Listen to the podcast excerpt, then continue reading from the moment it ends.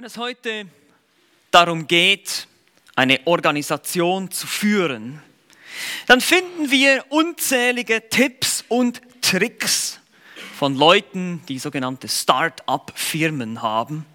Wenn man zum Beispiel am Internet googelt nach dem Thema Firma erfolgreich führen oder Organisation erfolgreich führen, dann kommen Dinge wie Planung, Strategie, der Vertrieb muss laufen, Organisation und Delegation, Vision und einer sagt sogar Netzwerke, was das Zeug hält. Das wäre Netzwerk kein Verb. Also das ist auch irgendwie komisch. Aber das ist einfach das, man soll vernetzt sein, man soll die ganze Zeit kommunizieren. Wir haben das gestern, äh, diejenigen, die gestern da waren, wir haben uns darüber unterhalten, auch über die Kommunikationsmedien. Es basiert oder es gründet sich alles auf Planung, auf klarer Führung mit Vision und Weitblick, eben Netzwerk, soziale Kommunikationsfähigkeiten. Und zu einem gewissen Stück braucht es ja auch bei uns in der Gemeindeorganisation, aber die Grundlage ist es nicht in der Gemeinde. Die Grundlage, warum die Gemeinde gut läuft, um es jetzt mal so zu sagen, ist nicht gute Organisation, gute Kommunikationsfähigkeiten in erster Linie. Es basiert alles auf Gabe. Es basiert alles auf Gabe Gottes. Christus gibt sich selbst als Gabe, als Opfer für unsere Sünden, um uns zu retten. Hebräer 9, Vers 14. Christus sendet seinen Heiligen Geist als Gabe, als Geschenk und Befähigung von oben. Zum Beispiel Lukas 24, 49. Der Heilige Geist wiederum schenkt Gaben in Form von Männern, zunächst, die die Gemeinde erst einmal gegründet haben. Wir haben es letztes Mal angeschaut, die Apostel und Propheten, auf deren Grundlage die Gemeinde gebaut wurde, und dann Hirtenlehrer und Evangelisten, die die Gemeinde zurüsten. Der Heilige Geist schenkt aber auch jedem Einzelnen von uns persönliche Geistesgaben, Befähigungen, um zu helfen, um zu dienen, um zu glauben, um zu geben und vieles mehr. Das haben wir bereits angefangen zu studieren hier im 1. Korinther Kapitel 12. Und so basiert grundlegend der Erfolg, wenn man jetzt mal von Erfolg sprechen will, in Anführungsstrichen, der Erfolg der Gemeinde auf Gabe und nicht auf Leistung. Ist das nicht wunderbar, das zu wissen? Ich meine, wenn, wenn wir uns anschauen, wir sind ein Haufen Chaoten, ja. Ich bin echt froh, dass es nicht auf, auf uns alleine, einfach klar müssen wir was tun, klar müssen wir dienen, aber letztlich ist es die Gabe Gottes, es ist der Geist Gottes, der uns befähigt, es ist der Geist Gottes, der uns auch dazu bringt, Dinge tun zu wollen. Deshalb sind wir auch keine Sekte, deshalb wird auch keiner gezwungen, hier zu sein oder irgendwas zu tun, sondern hoffentlich Hoffentlich ist es der Geist Gottes, der in dir wirkt, dass du das tun willst, was du tust. Dass du heilig leben willst, dass du ihm nachfolgen willst, dass du geben willst, dass du dienen willst. Das bewirkt der Geist Gottes in uns. Und wenn das für dich ein Zwang ist, dann musst du dich vielleicht prüfen, ob du überhaupt gläubig bist, ob du überhaupt Christ bist, ob du verstanden hast, um was es geht im Evangelium. Wenn das nicht der Fall ist. Nun, wir haben gesehen, man kann trotzdem, auch wenn man Christ ist, auch Dinge falsch verstehen. Und deshalb muss Paulus hier im ersten Korintherbrief mächtig korrigieren. Denn auch die Korinther brauchten eine gesunde Dosis dieser Sichtweise. Es ist alles Gabe, Leute. Hört auf, euch aufzublähen mit euren Gaben. Ihr habt die nicht, ihr habt die nicht verdient. Es ist euch geschenkt worden. Und auch eure Menschenweisheit, auf der ihr eure ganze Philosophie aufbaut zurzeit und eure ganzen Streitereien über Paulus und Apollos, hört auf damit. Paulus und Apollos sind Gaben an die Gemeinde, Männer, die der Gemeinde gegeben wurden, um sie zuzurüsten. Der eine ist so begabt und der andere ist so begabt. Ihr könnt sie nicht vergleichen miteinander. Und deshalb waren sie zerstritten und zerspalten, weil sie sich so stritten. Sie lebten auch in Unmoral. Paulus musste auch das korrigieren. Sie zogen einander vor Gerichte, streiten miteinander, sogar vor Ungläubigen. Aber sie sahen das keineswegs als Zeichen der Unreife, sie sahen das als Zeichen der Reife. Guck mal, wie geistig wir sind. wir können diskutieren miteinander und streiten und wir haben die und die Freiheiten, äh, sexuelle Freiheiten vor allem auch, in den Tempel zu gehen und so weiter und so fort. Damit blähten sie sich auf mit ihrer Erkenntnis und Paulus muss sie belehren in all diesen verschiedenen Bereichen. Und schließlich auch über den Missbrauch der Geistesgaben in Kapitel 12, wo wir jetzt mittlerweile angekommen sind. Ich habe heute Morgen geguckt, das ist jetzt die 64. Predigt aus dem ersten Korintherbrief. Das ist Wahnsinn. Also was, was hier drin steckt in Gottes Wort, es ist einfach, es ist einfach faszinierend. Also wir kommen hier zum Kapitel 12, wo Paulus die, die Geistesgaben korrigiert, denn den Missbrauch der Geistesgaben, aber auch die falschen Geistesgaben erstmal anspricht in Versen 1 bis 3 und sie ermahnt und sagt, wahre Geistesgaben werden immer Christus verherrlichen. Keiner, der im Geist Gottes redet, sagt, verflucht sei Jesus. Wir haben das angeschaut. Christus, der Geist weist immer auf Christus hin. Der Geist verherrlicht immer Christus. Aber trotzdem gibt es eine Vielfalt in dieser Einheit. Es ist nicht jeder gleich. Es ist keine Gleichförmigkeit hier, keine Gleichschaltung. Auch wenn es dieselbe Quelle ist, es ist immer derselbe Geist, es ist derselbe Herr und derselbe Gott. Aber es sind verschiedene Gaben. Dem einen ist das gegeben, dem anderen das. Und wir haben diese, er bringt hier in Versen 8 bis 11 verschiedene Beispiele. Glaube und Heilungen und all solche Dinge. Und dann am Ende sagt er, dass der Geist letztlich entscheidet und jedem gibt, wie er will. Warum ist das so? Weil der Geist letztlich derjenige ist, der uns in den Leib getauft hat. Das ist Vers 13, wo er gesagt hat, ihr seid durch den Geist wiedergeboren worden. Das ist eigentlich nichts anderes als die Geistestaufe, ist die Wiedergeburt. Und deshalb ist keiner von euch überflüssig und keiner unabhängig. Das ist dann Vers 14 bis 26, wo er sagt, schau mal, keiner von euch kann sagen, ich brauche den anderen nicht und keiner von euch kann sagen, mich braucht es nicht. Wir haben das angeschaut. Es gibt keinen Platz für Individualismus in der Gemeinde. Dass ich selber mein eigenes Ding drehe oder mich frustriert in die Ecke zurückziehe, sage, mich kann keiner brauchen.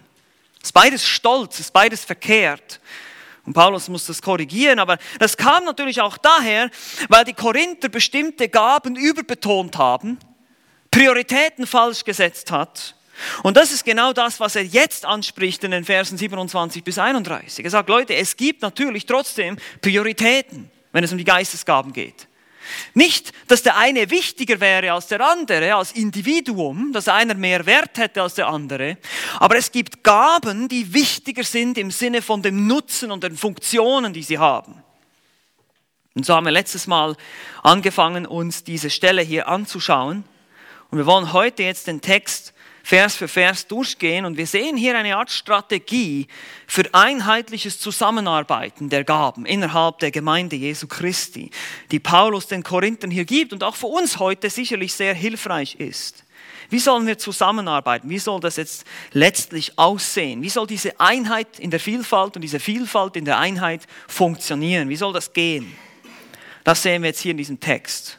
Das 1. Korinther Kapitel 12, die Verse 27 bis 31a, also nur die erste Hälfte des Verses. Wir lesen unseren Text für heute. Hier heißt es, ihr aber seid Christi Leib und Glieder im Einzelnen.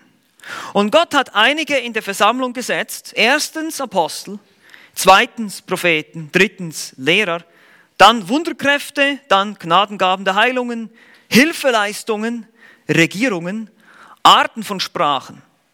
Sind etwa alle Apostel, alle Propheten, alle Lehrer?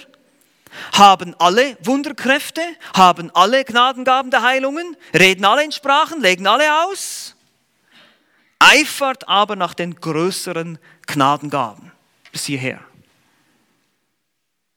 Nun, wie gesagt, wir sehen hier eine Strategie zum einheitlichen Einsatz der Gaben. Es sind im Prinzip vier Schritte zum einheitlichen Einsatz der Gaben. Das ist das Thema heute, steht auch auf euren Blättern vier Schritte zu einem einheitlichen Einsatz der Gaben, damit die Gemeinde ihren Fokus behält. Das Problem ist oft, durch Überbetonung lassen wir uns ablenken als Gemeinde. In der Gemeinde von Korinth war es definitiv das Sprachenreden. Dieses wurde total überbetont und deshalb sind andere Gaben sozusagen in den Hintergrund gerückt, die eigentlich Prominenz verdienten, die überhaupt nicht beachtet wurden. Und so gab es ein Chaos in der Gemeinde. Es war keine Einheit mehr da. Und Paulus sagt, Moment, jetzt müsst ihr erstmal diese Prioritäten richtig sehen und dann könnt ihr einheitlich zusammenarbeiten. Er beginnt hier diese Strategie zu formulieren und wird dann später auch im Kapitel 14 nochmal ausführlich auf, die, auf den Vorrang der Weissagung vor dem Sprachenreden gehen. Also Weissagung ist wichtiger als Sprachenreden. Darauf geht er dann in Kapitel 14 noch ausführlich ein. Aber wir wollen uns jetzt heute erstmal nur diese vier Schritte, diese Grundstrategie anschauen dass die Gemeinde letztlich die Geistesgaben zu einem maximalen Nutzen einsetzen kann. Weil das ist das Ziel des gesamten Kapitels hier. Die Geistesgaben wurden wozu gegeben? Zum Nutzen aller. In Vers 7, zum Nutzen gegeben. Oder in Kapitel 14 sehen wir dann auch, sie sind zur Erbauung gegeben. Alles, was erbaut, das muss vorangetrieben werden. Und die Gaben, die weniger erbauen, vor allem zum Beispiel die Sprachenrede, die nicht übersetzt wird, ist letztlich nutzlos, weil es nicht erbaut. Das ist ein ganzes Argument hier. Und deshalb ist Erbauung der alles treibende Faktor. Die Gemeinde soll erbaut, sprich belehrt werden. Und deshalb haben wir hier diese vier Schritte, die Paulus jetzt aufzeigt. Vier Punkte heute. Ganz einfach, wir haben das Prinzip, die Prioritäten, die Frage und die Aktion. Nur drei, vier Worte. Prinzip, Prioritäten, Frage und Aktion. Das sind die vier Schritte zum einheitlichen Einsatz der Gaben in der Gemeinde. Wir schauen uns das Prinzip an, das Prinzip. In Vers 27 heißt es, ich lese es nochmal vor, ihr aber seid Christi Leib und Glieder im Einzelnen. Nun, Paulus fasst hier zusammen, was er in den Versen 14 bis 26 lange erklärt hat mit seinem Beispiel über äh, diese verschiedenen Körperteile, das Ohr und das Auge und der Fuß und die Hand, die nicht zueinander sagen kann, ich brauche dich nicht oder weil ich nicht so aussehe wie der andere, bin ich überflüssig. Er sagt, ihr seid Christi Leib. Dieses Prinzip sollten die Korinther verstehen, da sie zur Zeit eben überhaupt nicht wie ein Leib funktionierten, sondern wie jeder in der Ecke selber irgendwas zusammenbröselte. Leib hier steht ohne Artikel im Griechischen. Ihr seid Leib Christi. Das ist eine Qualität, die er hier zum Ausdruck bringt. Ihr gehört zu dem weltweiten Leib Christi. Wir haben uns letztes Mal schon angeschaut, dass hier die universale Gemeinde im Blickfeld ist. Wenn er davon spricht auch, dass als erstes die Apostel und als zweites, als zweites die Propheten kommen. Es geht hier um den weltweiten Leib Christi. Weil es gab nicht in jeder Gemeinde Apostel, schon gar nicht mehrere, die da blieben. In Korinth auch nicht, soweit man weiß. Und so ist die universale Gemeinde hier im Blickfeld. Es geht hier um ein Gesamtkonzept für die weltweite Gemeinde. Ihr seid, wird hier betont im griechischen Satzbau. Ihr, ihr selbst seid Leib Christi. Ihr seid eine Miniaturrepräsentation des weltweiten Leibes Christi in Korinth. Ihr seid der Tempel Gottes in Korinth, hat er in Kapitel 3 und 4 auch deutlich gemacht. Ihr seid der Tempel Gottes da in Korinth. Sozusagen eine, eine Außenstelle, eine Botschaft für diesen weltweiten Leib und ihr sollt das widerspiegeln. Ihr sollt dieses große Konzept in eurer Gemeinde widerspiegeln. Das ist die Idee. So soll das funktionieren. Denn ihr seid nämlich gleichzeitig Glieder im Einzelnen, heißt es hier. Ihr seid der Leib Christi, ihr gehört zu diesem weltweiten, aber ihr seid Glieder im Einzelnen. Jeder von euch ist ein Teil des Gesamten. Jeder von uns ist ein Teil des Gesamten und deshalb eben nicht selbstgenügsam und auch nicht unabhängig oder unbrauchbar. Das ist das Grundprinzip, das es hier zu verstehen gilt. Nun, wir haben uns ja bereits ausführlich über den Körper und seine Funktionen unterhalten. Der Körper funktioniert nur, wenn alle Teile zusammenarbeiten. Ein Teil getrennt vom Körper ist nutzlos und der Körper, dem ein Körperteil fehlt, ist eingeschränkt. Und das ist genau das Bild, das Paulus hier verwendet. Ihr seid wie ein Körper, dem einige Körperteile fehlen und die anderen funktionieren nicht richtig zusammen. Das funktioniert überhaupt nicht bei euch. Und deshalb müsst ihr lernen, als Gemeinde als Kollektiv zu denken. Wir müssen wieder mehr lernen, als wir zu denken und nicht als ich. Und das ist in der heutigen Zeit, wie gesagt, sehr aktuell. In der heutigen Zeit im Individualismus geht es immer darum, was ich haben kann, wie ich in der Heiligung wachsen kann, wie ich mich verändern kann. Das ist alles richtig. Aber wir müssen viel mehr, wie wir uns verändern können, wie wir wachsen können, wie wir. Habt ihr euch schon mal darauf geachtet, dass die meisten Briefe im Neuen Testament an eine Gruppe geschrieben sind, eine ganze Gemeinde? Es gibt sehr wenige, die an Einzelpersonen geschrieben sind. Ihr sollt alle wachsen, ihr zusammen, wir alle zusammen. Meine Lieben, das ist ein Gemeinschaftsprojekt. Ihr schafft das nicht alleine. Ich schaffe das nicht alleine. Keiner von uns. Und deshalb ist die Gemeinde so wichtig. Es ist ein Leib, der zusammenarbeitet. Jedes Glied gehört dazu. Und wir alle sollen uns einbringen mit unseren Gaben. Wir sollen lernen, als Kollektiv zu denken, als wir, nicht als ich. Unsere Identität ist der Leib Christi. Wir sind Teil des Leibes Christi. Aber das verstanden die Korinther nämlich auch nicht. Da hat jeder auch so ein bisschen sich selbst dargestellt und ja, ich bin der Größte, ich kann am besten Zungen reden und so weiter und so fort. Dabei haben sie vergessen, dass es jedes, jedes Glied am Leib braucht. Also das ist das Prinzip. Wir denken als wir in erster Linie, nicht als ich. Zweitens, zweitens, wir haben das Prinzip. Das zweite, was wir hier sehen, sind die Prioritäten. Vers 28. Lesen Sie uns das nochmal vor. Jetzt geht er weiter und sagt, und Gott hat einige in der Versammlung gesetzt, wie gesagt, der weltweiten Gemeinde. Erstens Apostel, zweitens Propheten, drittens Lehrer, dann Wunderkräfte, dann Gnadengaben der Heilungen, Hilfeleistungen, Regierungen, Arten von Sprachen. Wie ich bereits betont habe, Paulus sagt, nur weil es, weil keiner von euch unabhängig ist und keiner von euch unbrauchbar ist und nicht in dem Sinne es einen Wertunterschied gibt, gibt es trotzdem Prioritäten in der Funktion. Und das zeige ich euch jetzt anhand der weltweiten Gemeinde. Gott hat in die Gemeinde gesetzt, erstens Apostel, zweitens Propheten und drittens Lehrer und so weiter. Es ist eine bestimmte Rangfolge hier. Es geht ihm um Prominenz. Es gibt bestimmte Gaben, die mehr Prominenz verdienen in der Gemeinde, die, auf die man hören soll, die mehr Einfluss nehmen sollen. Weil sonst, wie gesagt, wenn es um den Wert des Einzelnen gehen würde, würde das seinen Ausführungen widersprechen, die er bisher gemacht hat dass eine Gabe im Zentrum steht, so dass sie sich selbst oder eine bestimmte Person verherrlicht. Darum geht es nicht, sondern es geht darum, dass die Funktion oder der Einfluss dieser Gabe Vorrang hat. Wie gesagt, eine Gemeinde kann nur effizient sein, wenn sie die Gaben richtig einsetzt und einschätzt. Und genau das taten die Korinther eben nicht. Deshalb betont Paulus hier am Anfang des Satzes einige das steht ganz am Anfang im griechischen Satzbau, welche oder einige, welche er gesetzt hat.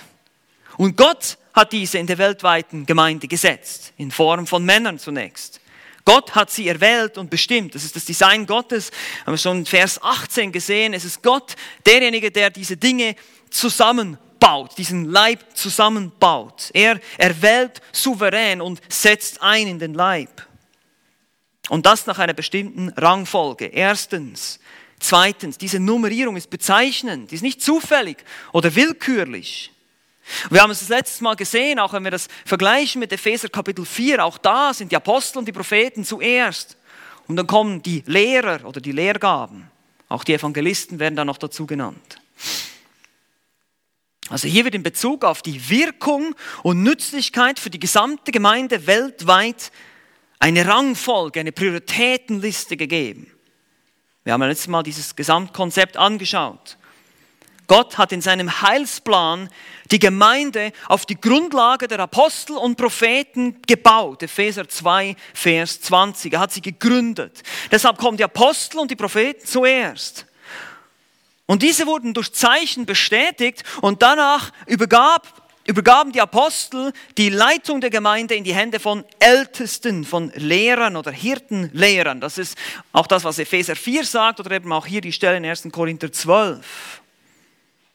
Und deshalb haben die Gaben der Apostel und Propheten sowie die begleitenden Zeichen und Wunder aufgehört im ersten Jahrhundert. 1. Korinther 13, 8 bis 10.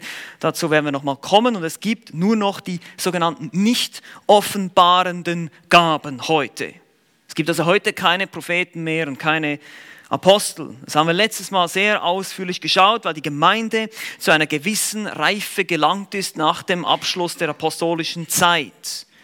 Nun muss nur noch das anvertraute Gut, die Schrift, die apostolische Lehre, die haben wir jetzt heute hier, das ist die Bibel. Die muss jetzt weitergegeben werden, eins zu eins. Die ein für alle Mal überlieferte Lehre, heißt es in Judas Vers 3, wird weitergegeben durch treue Hirtenlehrer. Das ist dieses Konzept, dieses Gesamtkonzept, das in der Heilsgeschichte sich so genau so abgespielt hat, und wir das auch sehen können. Sei das durch die Apostelgeschichte oder eben auch durch die Kirchengeschichte, wir können das sehr deutlich erkennen. Aber das, Paulus führt das hier auf, weil die Korinther eben geradezu besessen waren von ihren Sprachenreden. Und er musste ihre Prioritäten erstmal zurechtrücken und sagen, Moment, erst schaut euch mal an, was Gott gemacht hat, wie er die Gemeinde gegründet hat, das Gesamtkonzept. Welche Gaben hat er zuerst gegeben? Und das waren hier erstens die Apostel. Letztes Mal haben wir uns sehr, sehr lange über den Apostel unterhalten, deshalb werde ich das jetzt heute nicht tun. Ihr könnt euch die Predigt nachhören, wenn ihr das nicht gemacht habt. Der Apostel ist ein Abgesandter, das ist das, was das Wort bedeutet, die direkten Gesandten im Auftrag des Herrn Jesus selbst. Und diese haben die Gemeinde gegründet, das heißt, die haben die grundlegende Lehre geoffenbart. Apostelgeschichte 2,42 heißt es, dass die Gemeinde in der Lehre der Apostel bleibt. Und genauso bleiben wir heute noch in der Lehre der Apostel, nämlich in der Lehre der Schrift, die uns überliefert ist. Die Lehre der Apostel ist hier vor uns schwarz auf weiß in, auf den Seiten der Schrift. Sie haben das Fundament der Gemeinde gelegt. Und danach kommen als zweitens, zweiter Rang belegen nun die Propheten, heißt es hier in Vers 28. Erstens Apostel, zweitens Propheten. Nun, der Prophet war eben kein Apostel, da er nicht unbedingt direkten Kontakt mit dem Herrn Jesus gehabt haben musste. Das war ein Kriterium für den Apostel. Aber er war auch ein Offenbarungsträger. Diese Gabe hat Paulus bereits in Vers 10 angesprochen. Wir sehen auch, dass es auch weibliche Propheten gab in Apostelgeschichte 21, Verse 9 bis 10. Und sie waren wohl auch Teil der Versammlung in Korinth. Also nicht so wie die Apostel, die jetzt nicht Teil jeder Versammlung waren, waren die Propheten eher lokal, eben auch in der Gemeinde von Korinth. Sie waren in ihrem Dienst eher lokal auf bestimmte, an bestimmte Gemeinden gebunden.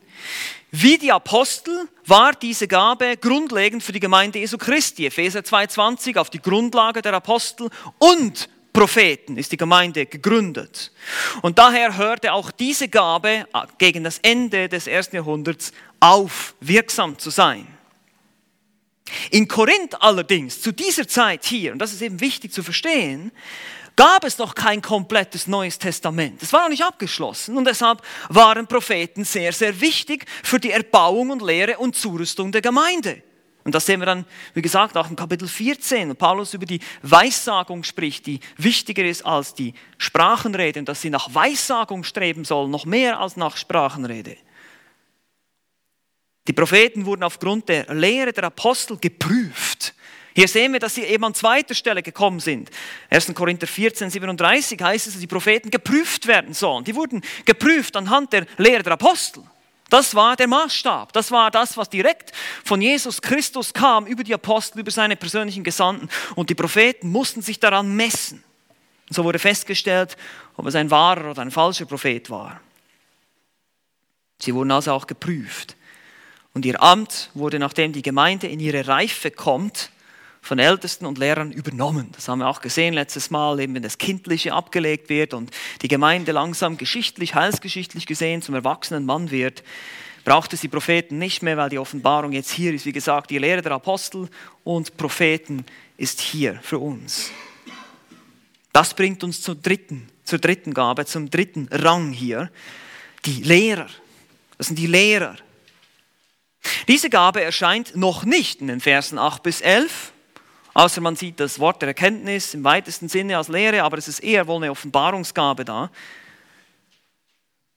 Und das ist wohl eher ein allgemeiner Begriff für Männer im Lehrdienst. Hier, wir haben das letztes Mal gesehen, Epheser 4 wird noch unterschieden, Hirten, Lehrer.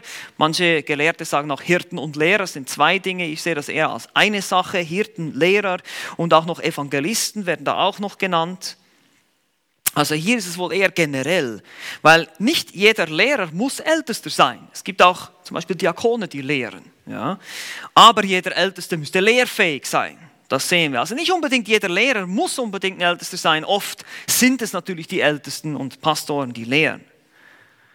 Und nebst den beiden anderen größeren Gaben, Apostel und Prophet, hatte der Lehrdienst bei dem Herrn Jesus Christus, bei den Aposteln und auch der nachfolgenden Generation von Gemeinden immer Top-Priorität.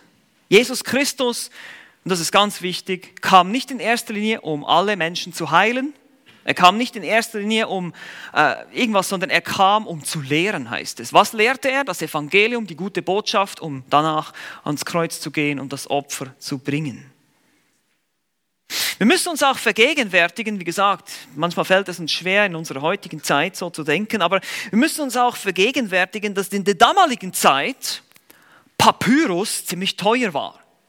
Ja, jemand hat mal ausgerechnet, ein Gelehrter, dass ein gesamtes Neues Testament, gab es ja damals noch nicht, aber wenn es das jetzt gegeben hätte, ein gesamtes Neues Testament auf Papyrusrollen ungefähr den Wert von acht Jahresgehältern eines guten Arbeiters hätte.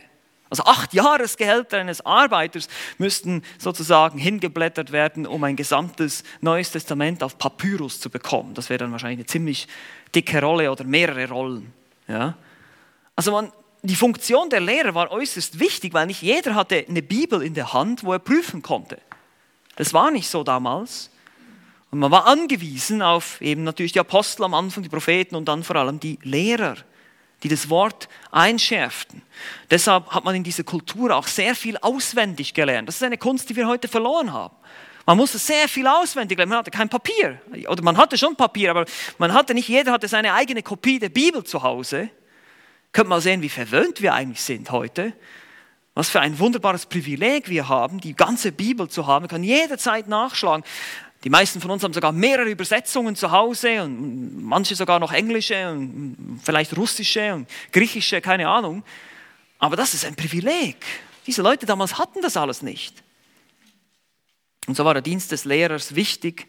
Und wie gesagt, er war auch beschränkt normalerweise auf eine lokale Gemeinde. Es gab Lehrer oder Hirten dann letztlich in jeder Gemeinde, die eingesetzt wurden. Und diese Gabe, die hat nun eben nicht aufgehört. Warum? Wir haben letztes Mal darüber gesprochen, ich wiederhole das nochmal. Sie ist nicht an das Amt des Apostels geknüpft, an die Gründungsphase der weltweiten Gemeinde sie gehört nicht mehr zu diesem kindlichen Stadium, das in Kapitel 13, Vers 11 genannt wird von Paulus. Sie gehört nicht mehr zu diesem Grundlagenlegen aus Epheser 2,20, was die Apostel und Propheten gemacht haben, sondern die Apostel haben dann sofort angefangen, Hirtenlehrer, Älteste einzusetzen in der Gemeinde, die dann eben diesen Dienst weiterführen. Und diese Lehrer, die brauchen auch keine Zeichen und Wunder, um bestätigt zu werden, weil die Botschaft, die wir hier haben in der Schrift, ist bereits ein allemal durch Zeichen und Wunder bestätigt worden. Das heißt, wir müssen sie jetzt nur noch weitergeben. Deshalb habe ich gesagt, die nicht offenbarenden Gaben, das sind diejenigen, die es noch heute gibt. Und eine davon ist eben der Lehrer. Was können wir hier anwenden? Wir machen hier mal einen kurzen Schnitt und machen uns mal ein paar Gedanken über Anwendung. Nun, das Erste, was ich uns ans Herz lege, und das hört ihr natürlich oft hier bei uns in der Gemeinde, aber man kann es nicht oft genug sagen, ist die Priorität der Lehre für die Gemeinde. Die Priorität der Lehre, man kann es deutlich sehen. Erstens Apostel und Propheten und dann kommen die Lehrer. Diese drei belegen die ersten drei Plätze sozusagen in Paulus äh, Prioritätenliste, wenn man das so will. Letztlich ist es die Prioritätenliste des Heiligen Geistes. Es war immer und wird auch immer Hauptschwerpunkt der Gemeinde Jesu Christi sein, zu lehren. Das, muss, das müssen wir verstehen. Das Evangelium ist Lehre.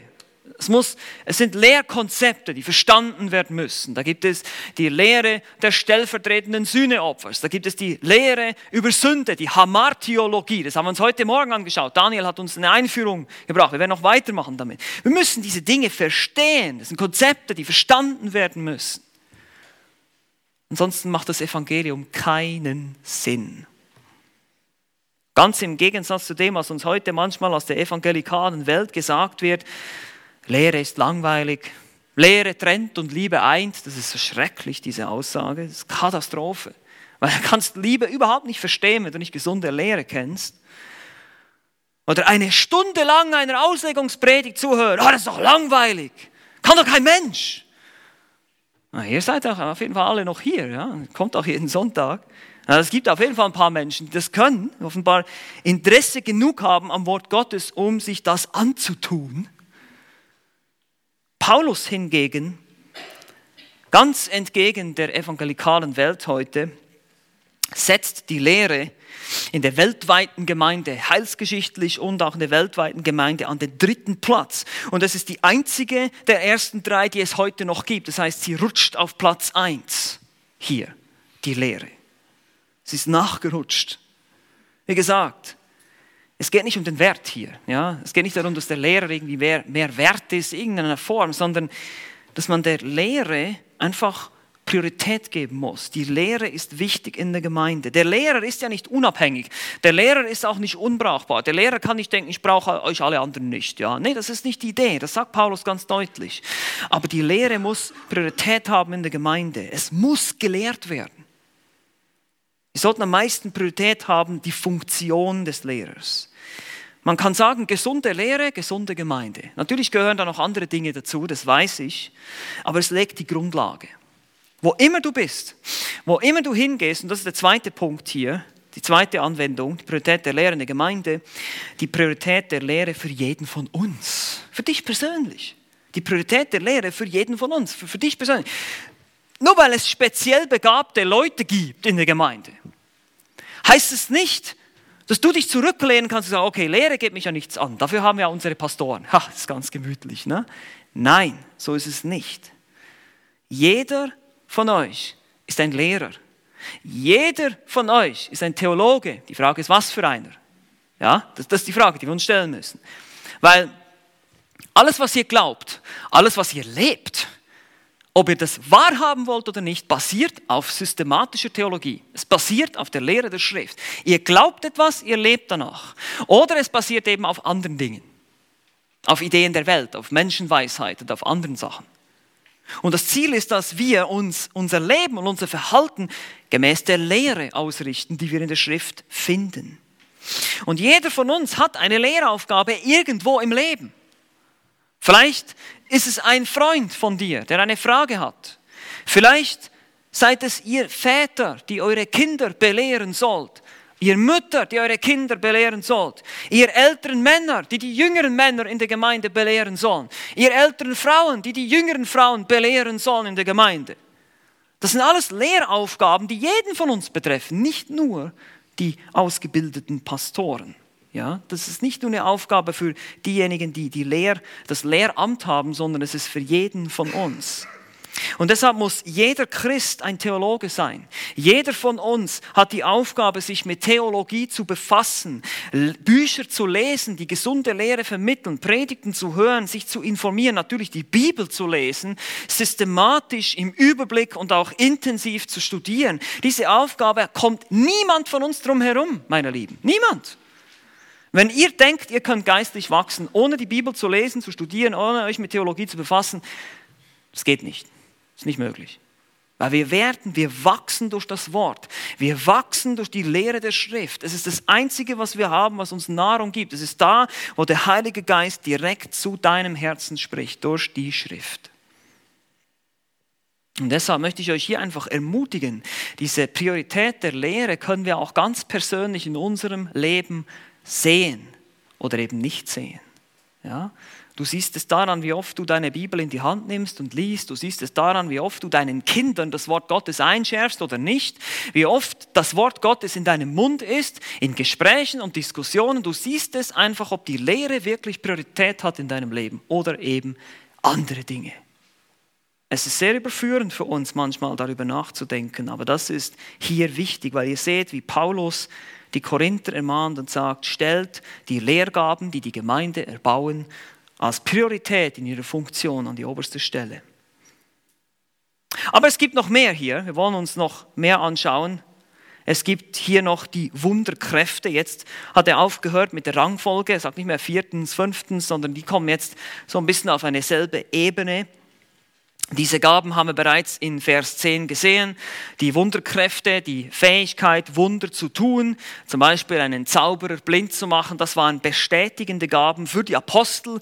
In erster Linie taten auch in erster Linie taten auch die Apostel Wunder. Es gab auch noch Ausnahmen, aber oft geschahen die Zeichen und Wunder durch die Apostel, heißt es in der Apostelgeschichte. Und so sehen wir diese bestätigenden Wirkungen und auch, dass diese Gaben, diese Wunder und Zeichengaben direkt mit dem Amt des Apostels und des Gebens der Offenbarung verbunden waren. Dasselbe gilt für die Gnadengaben der Heilungen. Auch das haben wir uns angeschaut bereits in Vers 10, also in dem anderen Abschnitt. Die hatten einen bestätigenden Charakter für die apostolische. Lehre. Dann kommen wir aber zu Hilfeleistungen. Das ist eine interessante Sache, die haben wir noch nicht gesehen. Ein Wort, das sowas zum Ausdruck bringt wie eine Last auf sich nehmen anstelle eines anderen. Das ist damit gemeint. Hilfeleistungen, eine Last auf sich nehmen, Dienst. Es bedeutet einfach dieses Wort, eine einfache Hilfe jeglicher Art zu sein. Zum Beispiel für bestimmte körperliche Bedürfnisse oder Nöte. Beispiel Apostelgeschichte 6 sehen wir dieses Beispiel, wo die ersten, manche denken, es sind die ersten Diakone, andere sagen, es waren nur Prototypen, aber diese, diese Männer wurden dazu bestimmt, die Tische zu bedienen, das heißt die Finanzierung der, der griechischen Witwen, der hellenistischen Witwen zu ähm, diese Witwen zu versorgen, weil das vernachlässigt wurde. Hier geht es um, um eine ganz bestimmte Not, ein Bedürfnis, das abgedeckt wurde. Es ist definitiv eine Dienstgabe hier. Gemäß 1. Petrus 4,11 gibt es ja Redegaben und Dienstgaben. Das ist definitiv eine Dienstgabe nun hier, die sich eben nicht unbedingt um Belehrung und Ermutigung und solche Dinge kümmert, sondern wirklich die praktische Hilfeleistung, eine Last eines anderen zu tragen. Diese Gabe ist sicherlich für jeden Diakon unerlässlich. Jeder Diakon muss diese Gabe haben die Lasten anderer zu tragen, Leuten zu helfen, äh, diese Dinge auch zu sehen, die Nöte in der Gemeinde und gegebenenfalls bestimmte Schritte zu gehen, organisieren, dass gewissen Leuten geholfen wird. Und diese Gabe war wohl in Korinth nicht sehr hoch im Kurs, weil sie ist halt etwas, was nicht sehr viel Aufmerksamkeit auf dich zieht. Wenn du im Hintergrund dienst und dich vielleicht um, sogar um Randgruppen kümmerst oder irgendeinen solchen Dienst hast. Und wir sehen auch, dass die Armen in Korinth und die Bedürftigen eher vernachlässigt wurden und verachtet wurden. Sogar beim Mahl des Herrn nahmen sich die Reichen erstmal alles weg und stopften sich voll und dann kamen die Armen und hatten Hunger. Und die, die Reichen waren schon alle betrunken. Haben wir gesehen, Kapitel 11.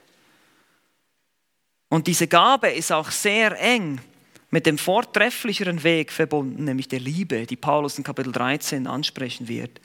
Die Liebe ist selbstlos, sie gibt sich hin und so ist jemand, der diese Nöte sieht und sich dieser Lasten annimmt. Und hier auch wieder für uns, für jeden von uns, es gibt speziell begabte Menschen, die sich so hingeben, aber das entbindet uns alle nicht von diesen Taten, den Nächsten zu lieben. Wir alle sollen in der Gemeinde Hilfeleistungen erbringen. Manche von uns tun das vielleicht, indem wir direkt anpacken. Andere stehen einfach ganz treu im Gebet. Viele spenden, geben Geld und so weiter. Es gibt verschiedene Möglichkeiten, wie man dienen kann und Hilfeleistungen geben kann, Lasten tragen kann, entlasten kann. Und diese Verantwortung, die haben wir alle, wenn wir tatsächlich lieben. Und das wird Paulus im Kapitel 13 nochmal deutlich machen. Wir sehen hier auch noch eine weitere interessante Aussage. Wir sehen nach den Hilfeleistungen die Regierungen oder Steuerungen oder Lenkungen, je nach Übersetzung. Es ist ein interessantes Wort, Kybernesis. Ähm, davon haben wir das Wort Kybernetik, die Wissenschaft der Steuerung von zum Beispiel Lebewesen oder Steuerung des Körpers durch das Gehirn oder auch Regelungstechnik bei Maschinen, je nachdem. Kybernetik, Kybernesis. Es ist ein Wort, das verwandt ist mit Kybernetes, einem Steuermann eines Schiffs in Apostelgeschichte 27. Und in Römer Kapitel 12 wird dieses Wort mit der vorsteht bezeichnet. Also es geht hier nicht in erster Linie um Administratoren oder Organisatoren, bloße Organisatoren, sondern eher jemand, der auch in einer Leitungsposition ist und Dinge steuert, eben wie ein Steuermann ein Schiff steuert. Das ist definitiv auch eine Voraussetzung für einen Ältesten und Hirten. In 1. Timotheus 5,17 wird das Wort Vorstehen verwendet und so auch in Römer 12 Und so sehen wir, diese Gabe, Steuerung, Leitung kommt zusammen.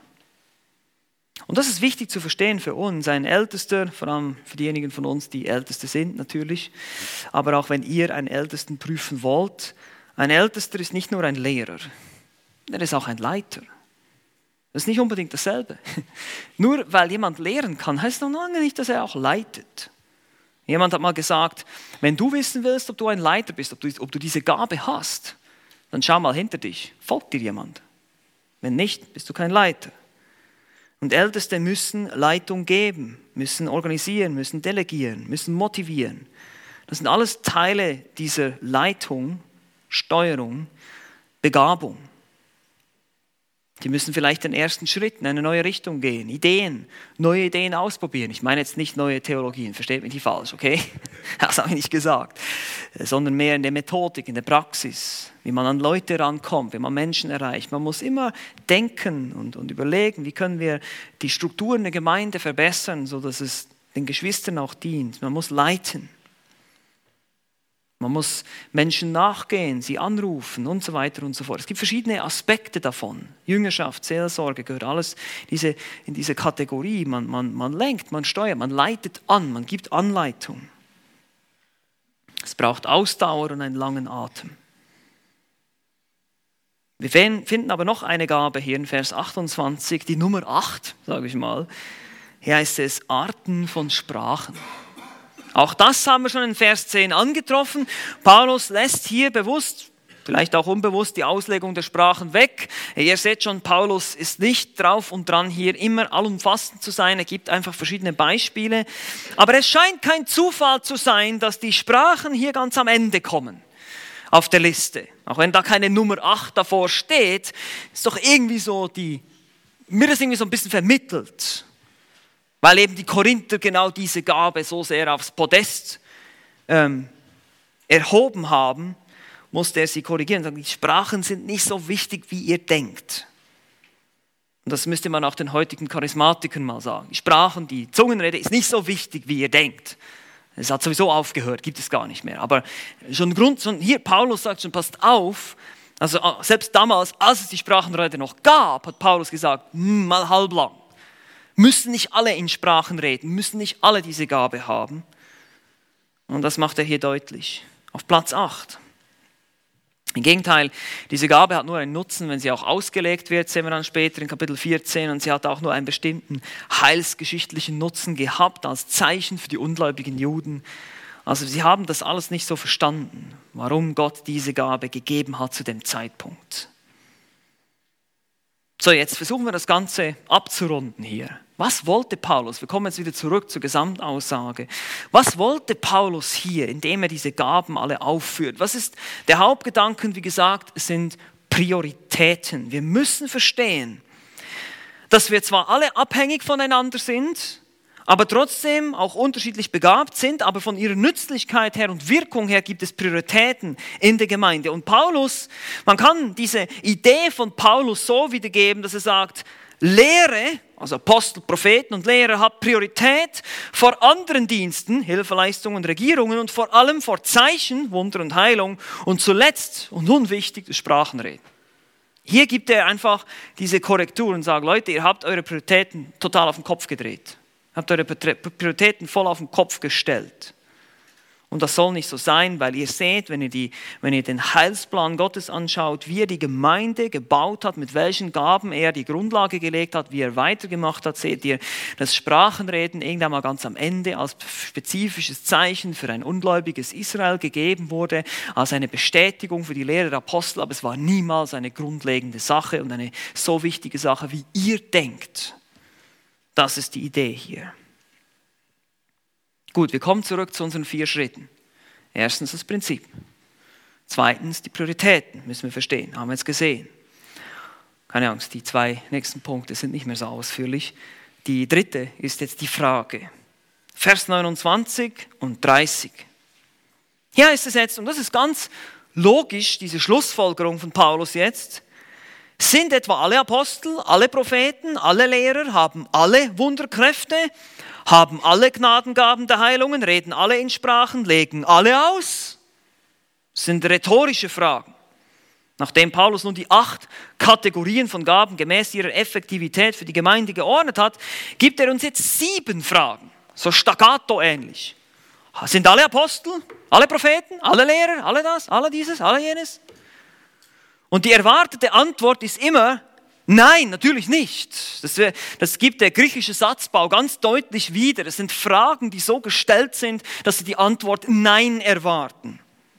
Sind alle Apostel? Auf keinen Fall. Sind alle Propheten? Niemals. Und so weiter und so weiter.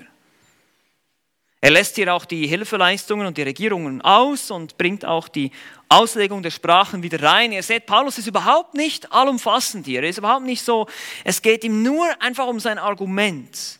Haben etwa alle dieselbe Gabe? Nein. Es ist wie wenn, wenn Paulus es den Korinthern so richtig einhämmern will. Ich meine, wie oft hat er jetzt schon davon gesprochen?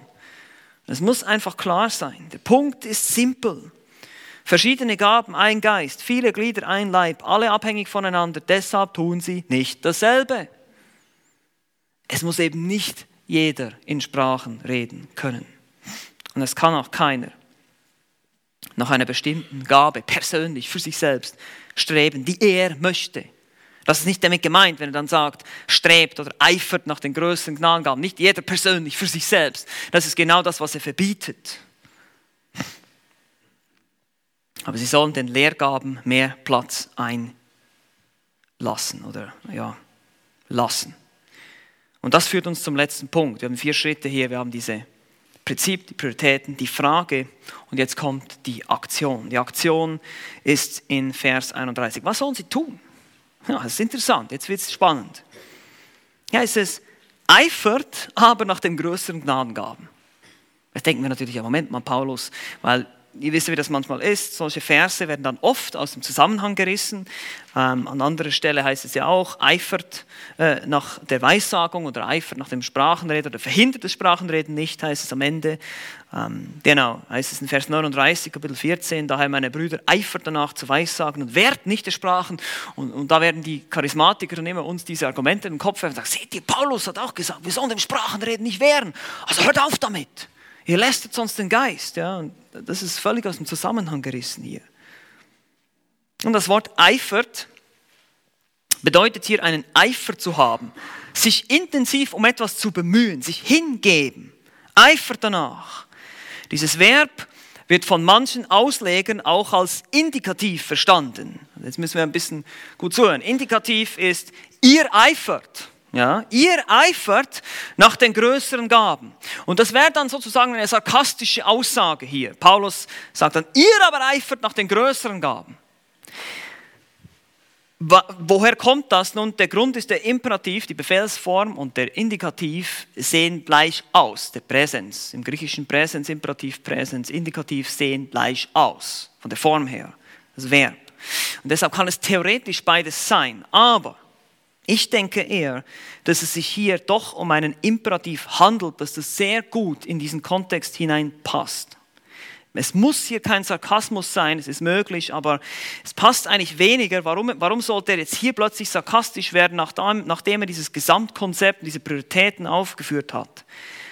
Aufgrund der Rangfolge in Vers 28 macht es mehr Sinn, die größeren Gaben hier in Vers 31 als die Apostel, Propheten und Lehrer zu sehen. In Kapitel 14 wird er ebenfalls dazu auffordern, den Propheten mehr Raum zu geben als den Sprachenrednern. Also da auch diese Idee von nach etwas zu eifern, mehr Priorität zu geben, sich mehr dieser Lehre hinzugeben als der Sprachenrede. Und auch wenn ihr Kapitel 14, Vers 1 anschaut und Vers 39, kommt dieses Verb nochmal vor. Eifert um die geistlichen Gaben oder auch eifert danach zu Weissagen. Und da sind es ganz klare Imperative. Es ist dasselbe Verb und dieselbe Form da. Es macht einfach im Gesamtkontext, und ich habe euch ja schon mal gesagt, Kapitel 12, 13 und 14 sind ein zusammenhängendes Argument. Es macht mehr Sinn hier. Es ist eindeutig ein Imperativ.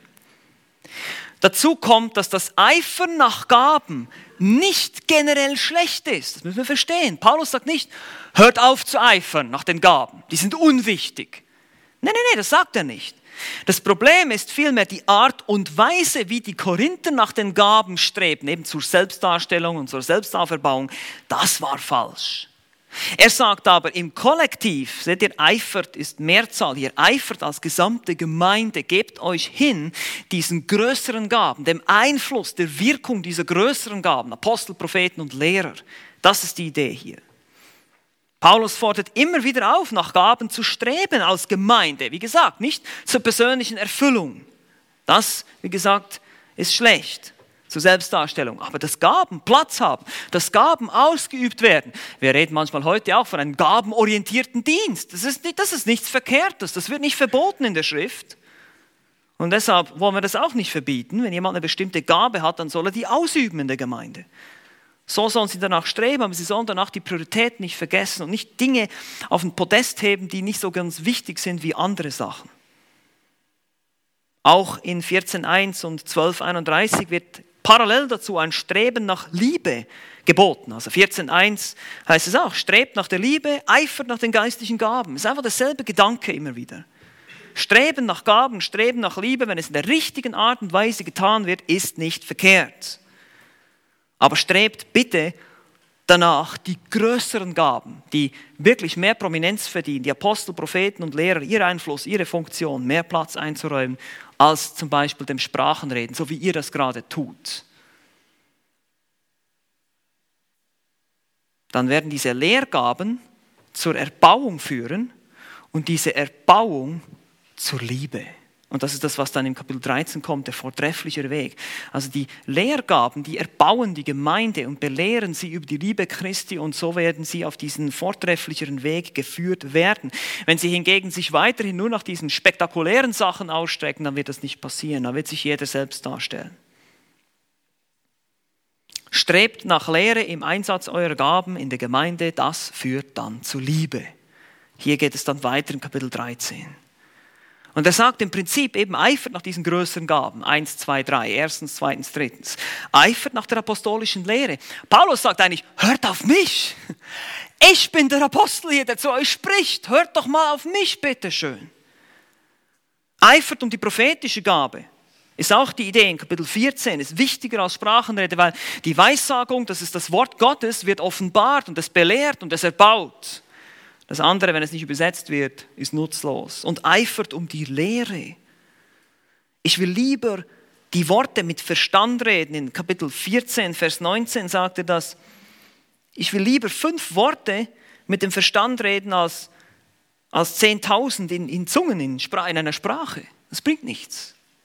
Also seht schon hier, dieses Eifern als gesamte Gemeinde nach diesen Gaben ist gemeint. Es ist auch deshalb wichtig, weil eine Gabe nicht ein Privatbesitz ist. Eine Gabe kann unterdrückt werden, eine Gabe kann vernachlässigt werden. Das sehen wir zum Beispiel in 1 Timotheus 4. Timotheus soll seine Gaben nicht vernachlässigen. Man kann, man kann Gaben sozusagen vernachlässigen, austrocknen lassen, indem man sie nicht einsetzt. Und in dem Sinne ist die Aufforderung danach zu streben sinnvoll, wenn es in der richtigen Art und Weise geschieht. Und dazu kommt noch, dass der Imperativ hier eben ein Präsens ist. Eifern, macht weiter zu eifern, hört nicht auf damit. Ja, es, Paulus sagt nicht, es ist alles schlecht, was ihr macht. Ganz zu Beginn, im ersten Kapitel, Kapitel 1, äh, lobt er die Korinther und sagt, ihr habt viel Erkenntnis, ihr habt viel verstanden. Und deshalb auch hier in Kapitel 12 und 13, 14 sagt er, ja, ihr eifert weiter um die Gaben, das ist in Ordnung, aber macht es in der richtigen Art und Weise. Macht es in Liebe vor allem auch. Kapitel 13. Und strebt nach den, nach den Prioritäten, dass die richtigen Prioritäten, die, die apostolische Lehre wirklich die Priorität ist in eurer Gemeinde, dass vor allem die Gemeinde erbaut wird und nicht in ein anderes Spektakel abläuft. Und ihr seht schon, wie das wiederum voll gegen diese heutigen charismatischen Strömungen geht eigentlich. Diese ganzen Sachen, die Paulus hier sagt. Es ist nicht richtig, wenn ein Gottesdienst ein Chaos ausbricht. Das ist einfach nicht, das hat Paulus hier schon deutlich korrigiert in Korinth. Und wir sollten diese Korrektur hören heute. Also, lass uns das nochmal zusammenfassen. Wie sieht diese, diese einheitliche Strategie aus? Wie sollen wir unsere Gaben einsetzen? Wir haben das Prinzip gesehen. Das Prinzip ist die Einheit und die Vielfalt, die gegenseitige Abhängigkeit, dass die Gemeinde nicht in erster Linie eine Organisation, sondern ein geistlicher Organismus ist, ein Leib, ein Körper. Die Dienste sollen in Abhängigkeit des Geistes getan werden. Der Geist bewirkt die Wiedergeburt, er verteilt die Gaben. Und das ist vielleicht ein wichtiger Punkt für uns heute. Wir müssen uns wieder mehr daran erinnern, dass die Gemeinde Jesu Christi eine Laienbewegung ist. Wir sind nicht Profis. Ja, ich weiß, manchmal heutzutage, man, man steht in der Gefahr, das Ganze zu akademisch werden zu lassen mit allen möglichen Doktortiteln und so weiter. Und das hat auch alles seinen Wert. Aber lasst uns, lasst uns zurückgehen in die Anfänge der Gemeinde und sehen, was waren das für Leute? Es waren Fischer und Zöllner, ganz einfache Leute. Und die Korinther, Paulus sagt den Korinthern, es gibt nicht viele Weise unter euch, nicht viele Angesehene, Nein, es ist eine Bewegung hier. Wir, wir sind einfache Leute, die durch den Geist Gottes verändert werden. Und unsere Aufgabe ist es, diese Stadt mit der Lehre zu erfüllen. Das ist unser Ziel. Wie gesagt, wir müssen den Fokus bewahren. Und wir müssen deshalb zusammenarbeiten, als Leib und nicht jeder Einzelne für sich irgendwas machen. Und deshalb die Prioritäten war der zweite Schritt. Es gibt die Gefahr der Überbetonung. In Korinth waren das die, die Sprachenredner, ja, die überbetont wurden. Heute sind es vielleicht andere Dinge, die wir manchmal dazu neigen, als Gemeinde überzubetonen. Kleider, Ordnung, Schönheit der Räumlichkeiten, nette Webseiten und so weiter und so fort. Vielleicht legen wir manchmal zu viel Betonung auf solche Dinge und vergessen, dass wir in erster Linie Menschen sind, die vom Geist Gottes getrieben werden sollen, um andere Menschen zu erreichen mit dem Evangelium, dass wir eine Mission haben. Eben, wir sind eine Bewegung. Wir sehen das in der Apostelgeschichte. Sobald der Heilige Geist kommt, geht es richtig los. Und da wird das Wort Gottes verkündigt. Es kommen Menschen zum Glauben. Und da wird sich nicht, da kümmert man sich nicht groß um viele andere Dinge, sondern vor allem darum, die Lehre weiterzugeben. Und das möchte ich einfach als Ermutigung sehen, dass wir diese Priorität setzen in unserem Leben, aber auch als Gemeinde, dass wir dieses Evangelium weitergeben. Und deshalb die Frage natürlich, dann heißt es mit anderen Worten, wir sollen alle Lehrer sein? Nein, es wird davor gewarnt. Jakobus 3 heißt es, werdet nicht viele Lehrer. Das heißt nicht, dass ihr eben nicht privat auch euch bewusst mit Lehre auseinandersetzen sollt, aber es muss nicht jeder von uns das Amt eines Pastoren anstreben, eines Ältesten. Das ist damit gemeint in Jakobus 3. Aber wir sollen auf jeden Fall nach der Lehre streben, nach der gesunden Lehre, auch im Privatleben und auch als gesamte Gemeinde. Und viertens, die Aktion hier eifert nach den größeren Gaben, sorgt dafür, dass die Propheten, heute ist das die Lehre der Apostel und Propheten, die hier drin ist, die durch die Lehrer zum Zug kommt in der Gemeinde und auch im Gemeindeleben und überall, wo wir sind und nicht in erster Linie andere Dinge. Und eine Komponente fehlt hier noch, das ist der vortrefflichere Weg in Kapitel 13, die Liebe. Und darüber reden wir dann, wenn wir ins Kapitel 13 kommen. Für heute ist erstmal Schluss. Amen. Lass uns noch gemeinsam beten.